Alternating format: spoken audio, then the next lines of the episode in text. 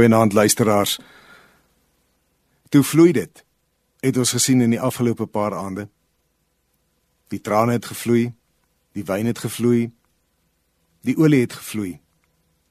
En as ons kom by Johannes 11 waar Jesus se vriend Lazarus sterf, dan sien ons op 'n besondere wyse hoe Jesus se trane vloei. En hierdie trane vloei vir hom is emosie. Ons leer ken 'n Jesus wat nie spaarsamig is met emosies en verhoudings nie. En wanneer dit verkeerd gaan en wanneer daar seer is, dan vloei sy trane weer eens. En dit maak eintlik ons harte baie bly. So baie keer kan geloof gesien word as iets wat net in die kop gebeur, iets wat net die denke raak. Maar ons lees in Hebreërs 4 vers 15 dat Jesus een is wat medelee met ons swakhede kan hê.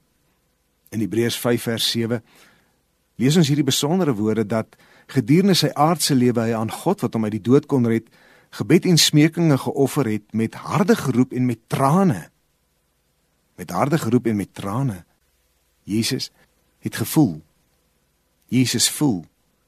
En hy roep met trane en vir ons ook 'n aanmoediging om in 'n tyd waarin ons aangemoedig word om sterk te wees, maar te weet Jesus het geroep met trane.